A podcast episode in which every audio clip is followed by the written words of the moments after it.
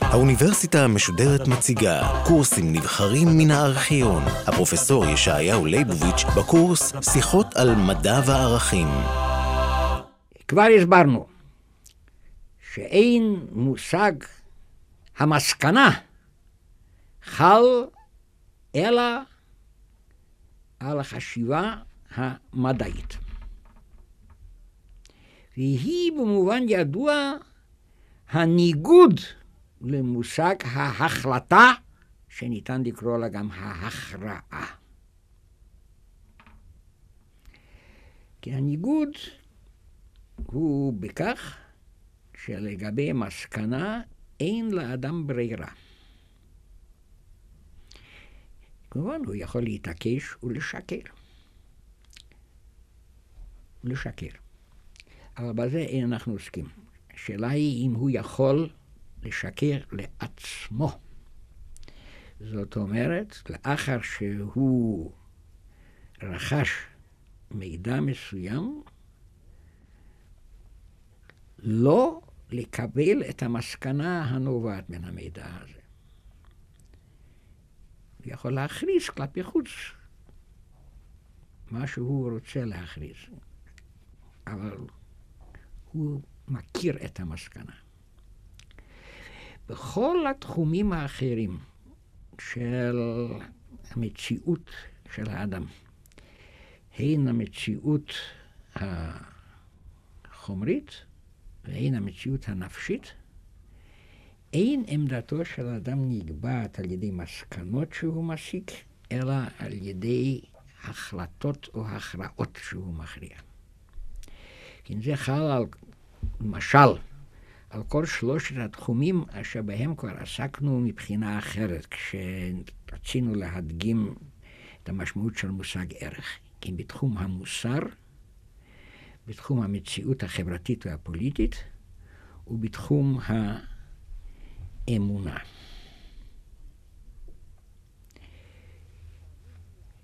אם ניתנים לאדם כל העובדות, עדיין הברירה בידו. הברירה בידו. מושג הברירה הזה איננו קיים במדע. אבל הוא מהותי להבנת המושג ערך. במקום שאין ברירה, אין מקום לקביעה ערכית.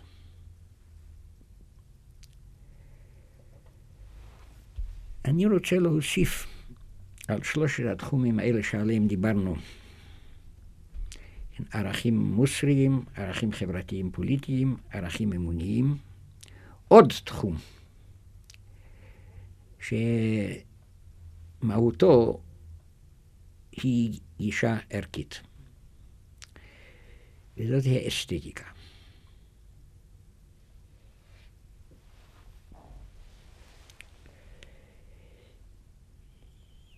יש בין המאזינים, אולי, אם קהל המאזינים רחב, ודאי יש ביניהם מישהו, אולי רבים, שמכירים את אחת היצירות הפילוסופיות החשובות מאוד מאוד המחצית הראשונה של המאה ה-20, את הטרקטטוס של ויטגנשטיין. אשר אחד מפסוקיו האחרונים הוא אתיקה ואסתטיקה הם אותו דבר. זה פסוק תמוה וסתום מאוד, ורבים עוסקים בפירוש משמעותו, מה נתכוון ויטגנשטיין בדברים האלה. כן, אנחנו ניסינו להגיד משהו על הכרעות מוסריות, שדרין הקודמים, ועכשיו ננסה להתייחס לעמדה שאדם תופס בתחום האסתטיקה. וכשם בתחום האתיקה שני מונחי היסוד שבהם משתמשים בהם זה טוב ורע. כך בתחום האסתטיקה, מונחי היסוד האלה הם יפה או נאה ומכוער או מגונה. וננסה לראות אם יש איזושהי אנלוגיה בין שני הדברים האלה. ואגב הדבר הזה נעמיק את ההבחנה בין גישה מדעית ובין גישה ערכית. נניח שתישאל שאלה אלמנטרית מאוד, כן, טריוויאלית. הנה כאן לפניי על השולחן, זו עובדה, כן, אתם כבר אינכם יכולים לראות אותה, מונחת מחברת. נשאלת השאלה מה צבעה של המחברת הזאת. והשאלה הזאת מופנית לכל אלה שרואים אותה. ייתכן מאוד שאם אני אעשה את הניסוי הזה, אני אקרא לבני אדם ואשאל אותם מה הציבה של החוברת הזאת, במקרה זה יושבת לפניי רק כן, המנחה של שיחותינו בלבד, והיא במובן ידוע מייצגת את כל הציבור בשבילי, אז היא עונה צבע ירוק. וייתכן שבזה היא באמת מבטאה מה שהיו אומרים כל האחרים שהייתי מזמין אותם להציץ במחברת הזאת. האם העובדה הזאת, כן, בהנחה שאני עצמי אינני יודע מאומה, חייבת לשכנע אותי. הנה, הכל אומרים שזה ירוק. תרשו לי לעורר כל מיני ספקות. הספק הראשון, שתמיד צריך לחשוב עליו, אולי הם משקרים. אולי הם משקרים. וניתן לומר, ואין אדם צריך להיות דווקא פסימיסט ובעל דעה רעה על המין האנושי, שאדם נבון, כשהוא מקבל תשובה על שאלה, בעניין שהוא איננו מכירו,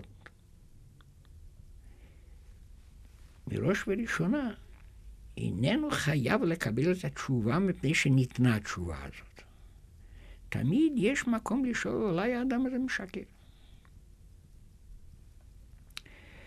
הדברים האלה אמורים, אה, דברים בחיי יום-יום, הם אמורים גם בעניין, אה, עניינים אה, חברתיים, פוליטיים.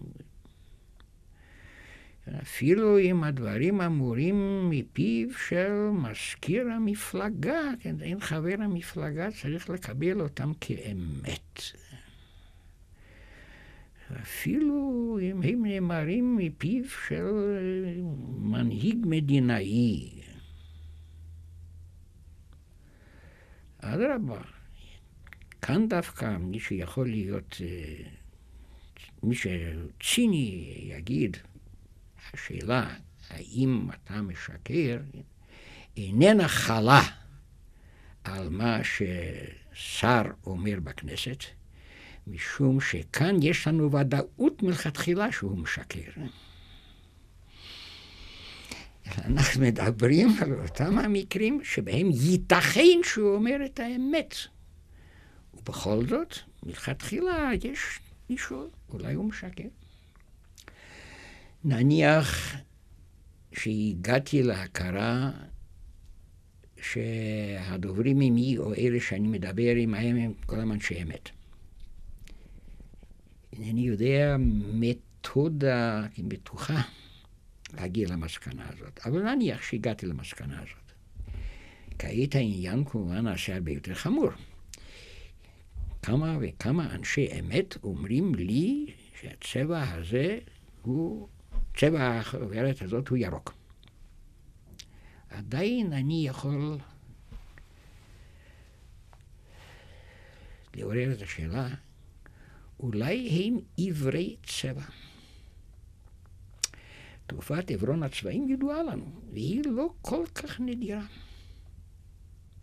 לא כל כך נדירה. בפרט עברון צבעים המתבטא בכך שאדם איננו מבחין בין ירוק לאדום.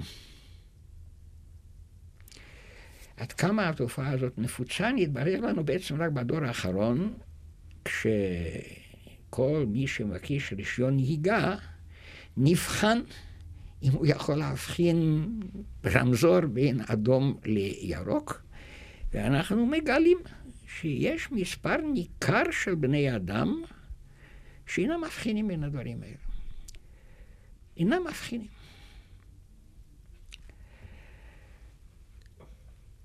ולכן, אני יכול אה, לומר, האנשים האלה אומרים בתום לב שהדבר הזה הוא ירוק, אבל ייתכן שאם אני אסתכל בזה, אני אראה אותו אדום.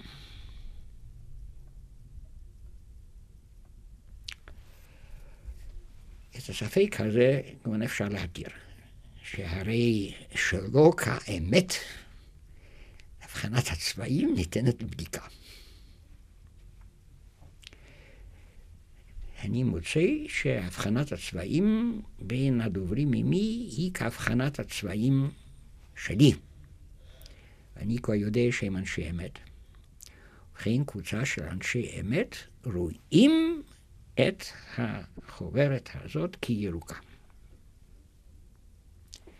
ועדיין אני יכול לעורר ספק חמור מאוד. אנחנו מכירים הציבור הרחב ודאי יודע על הדבר הזה, אנחנו מכירים מחלות נפש, שבהם האדם הוזה הזיות אופטיות. הוא רואה דברים שאינם מציאותיים, אבל הוא בפועל רואה אותם. כן, ייתכן שכל האנשים האלה, כולם, כן, סכיצופרנים הם, והם רואים כאן חוברת ירוקה, מקום שהצבע בכלל איננו ירוק. לאחר שעוררתי את כל הספקות האלה, ייתכן שמישהו יבוא ויאמר, אם כן, ייתכן שאי אפשר בכלל לתת תשובה אובייקטיבית על השאלה הזאת. יש חשש שמא יש כאן אמירת שקר, שמא יש כאן עיוורון צבעים, שמא יש כאן מחלת נפש. במקום זה באה האינטרבנציה של המדע.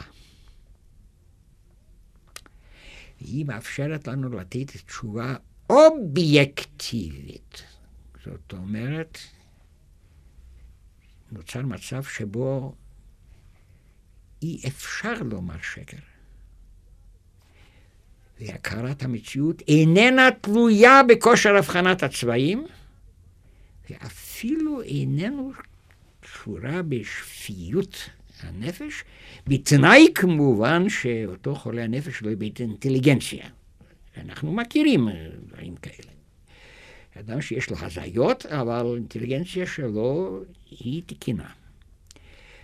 ובכן, כיצד המדע פותר את הבעיה הזאת? הוא מתרגם את השאלה מה צבע כריכת המחברת הזאת לשאלה המכוונת לסיבה הפועלת. מה גורם לכך שמשהו ייראה בעל צבע מסוים, ובמקרה זה בעל צבע ירוק. וכאן הפיזיקה, האופטיקה, נותנת לנו תשובה. הצבע הוא תחושה המתעוררת בתעודתו של האדם הנורמלי, בעקבות פגיעת אור בעל אורך גל מסוים בכלי החוש הקולט את האור, במקרה זה רשתית העין. את אורך הגל של האור המוחזר מן המחברת הזאת לעיני, ניתן למדוד. המדידה היא אפילו די פשוטה. בלי ידע עמוק בפיזיקה, אני מקבל עליי ללמד כל אדם שאיננו שותה, כיצד להשתמש במכשיר הנקרא אינטרפרומטר, ובאמצעותו אפשר למדוד את אורך הגל של האור. והנה, אם נמדוד את הדבר הזה, נמצא שאורך הגל במקרה זה הוא בערך 5,100 אנגסטרום. ובזה נאמר שהצבע הזה הוא ירוק. ייתכן שעיוור הצבע איננו מבחין בין הצבע הזה ובין צבע העגבנייה. הוא רואה, את, שניהם ראייה שמקנה לו את אותה חוויה הנקראת צבע. ולכן הוא אומר גם על העגבנייה שהיא ירוקה. או אם הוא שמע כל בני אדם שהם אומרים שהעגבנייה היא אדומה, אז הוא יאמר על הכריכה של החוברת הזאת גם כן שהיא אדומה. אף על פי שאני רואה אותה כירוקה. שהרי הוא איננו מבחין בינה ובין צבע העגבנייה. אבל אם הוא למד פיזיקה ויודע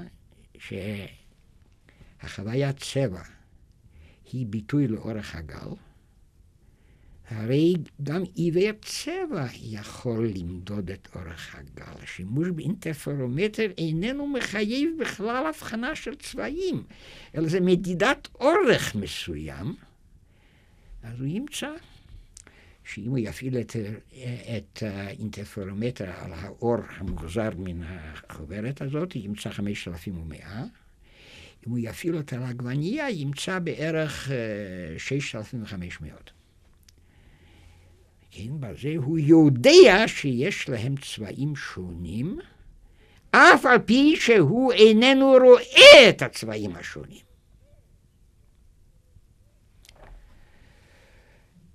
הוא גם לא יוכל לשקר, שהרי כל אדם יכול להוכיח לו שהוא משקר. זה לא כדאי לשקר.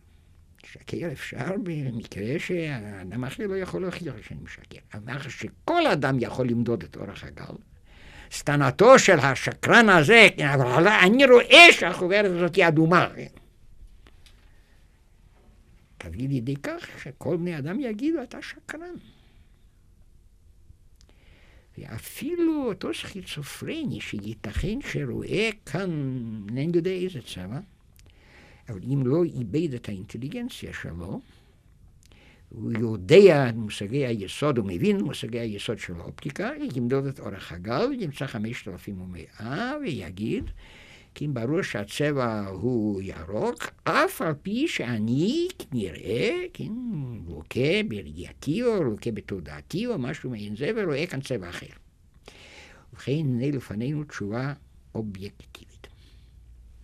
אבל עכשיו תשאל שאלה שנייה לגבי אותו עניין טריוויאלי. האם הצבע הזה הוא יפה?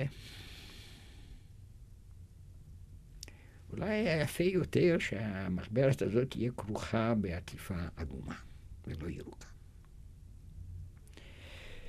וגם כאן יהיו חילוקי דעות. פלוני אומר, כן, זה יפה, זה מוצא חן בעיניי. אחר אומר, אין מוצא חן בעיניי, לא יפה. והם רבים. ואם העניין הזה של יופייה של עטיפת החוברת הזאת הוא עניין חשוב וחמור להם, אז ייתכן שהסכסוך הזה תהיינה תוצאות אה, חמורות אה, מאוד מאוד. ונתאר לעצמנו שאנחנו נעבור מן העניין הטריוויאלי הזה, כן, האם העטיפה של החוברת הזאת יפה או לא יפה, לשאלה בעלת משמעות אקזיסטנציאלית, כן, האם האישה הזאת היא יפה או איננה יפה. כולנו מבינים, כן, שמתן התשובה על השאלה הזאת יכולה להיות, מתן התשובה יכול להיות דבר גורלי לגבי האישה הזאת, או לגבי השואל את השאלה הזאת, אולי גם שאלה אחרת. ואנחנו מכירים מן המיתולוגיה היוונית, כן, שאומנם כן, עוסקת במה שלא היה ולא נברא, אבל יש לה משמעות מושגית. כיצד שלוש נקבות מן האולימפוס, שאצל היוונים כן, נחשבו לאלות, כן, נחלקו בשאלה מי מהן היפה ביותר, והביא את הדבר הזה לשיפוטו של בן אדם, שהוא פריס בן בנו של פריאמוס מלך טרויה, וכתוצאה מן ההכרעה שלו כן, פרצה המלחמה הטרויאנית ודם נשפך כמים. ובכן השאלה האם זה יפה או לא יפה במקרה זה, כי מי משלוש הנקבות האלוהיות האלה היא היפה ביותר, היא יכולה להיות שאלה חמורה מאוד. שמא יאמר אדם. אבל הלוא יש לנו מתודה מדעית המאפשרת לתת תשובה אובייקטיבית על שאלות. ראיה לדבר, לפני רגע כששאלנו את השאלה מה צבע החוברת הזאת, למרות חילוקי הדעות, כן, בין שקרן ודובר אמת, בין uh, בעל uh, ראיית צבעים תקינה ובין עיוור הצבע, בין שפוי בדעתו ובין סכיצופרני, הגענו למסקנה חד משמעית. כן, נפעיל את המתודה המדעית ונקבע שוב באופן חד משמעי האם זה יפה או איננו יפה. או במקרה החמור ביותר, האם האישה הזאת היא יפה או איננה יפה, אם כדאי לשפוך דם בגללה.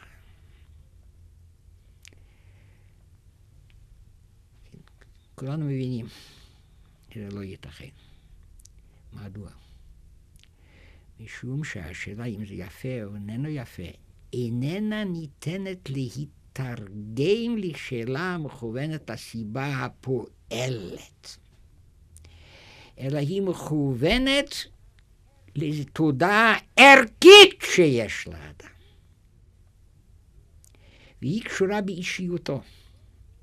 האדם הזה רואה יופי במשהו שאדם אחר איננו רואה בו יופי. זאת אומרת, שניהם דוברי אמת, כשאחד מהם אומר זה יפה והשני אומר זה איננו יפה. אלא שהאמת הזאת היא אמת ערכית, ולא אמת עובדתית. אם הצבע הזה הוא ירוק או אדום, תשובה עליה היא אמת עובדתית. שהרי אנחנו קושרים את זה באורך הגל, ואורך הגל איננו תלוי בתעודתו של האדם. אבל השאלה אם זה יפה או איננו יפה, איננה מותנית בטיב הדבר, אלא בטיב האדם והתייחסותו לדבר הזה. זאת אומרת, גם בתחום האסתטיקה אין מקום למסקנה מדעית, אלא כאן יש הכרעה. וכאן אולי נאמר, זה נבדל מאותן הכרעות בתחומים אחרים, שהיא איננה נובעת מרצונו של האדם, אלא מאיזה תוכן ערכי שיש באדם. וזאת היא אולי המשמעות של פסוקו המפתיע של ויטגנשטיין, שאתיקה ואסתטיקה זה אותו דבר. המשמעות, המשמעות היא שגם בקביעת עמדה אתית וגם בקביעת עמדה אסתטית, הגורם המכריע הוא אינו טיב אותו דבר שעליו מסיקים מסקנות, אלא היא נובעת מן האדם עצמו. במקרים מסוימים היא נובעת מרצונו, ובמקרים אחר היא, היא נובעת מאיזה ערך שכבר גלום בתודעתו, והוא מכיל אותו על אותו דבר שהוא שופט עליו. ובזה הגענו לפרק נוסף בדיוננו על מדע וערכים, והוא קשור במושג האמת שדיברנו עליו. הדיון בו הוא חשוב מאוד, זה שיש דעה והיא רווחת מאוד מאוד, גם בין אנשים משכילים.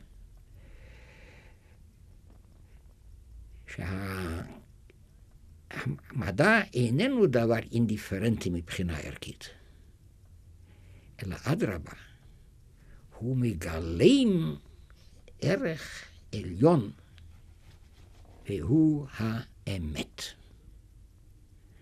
הדבר הזה טעון ניתוח יסודי, ונקווה שנוכל לתת אותו בשידורים הבאים.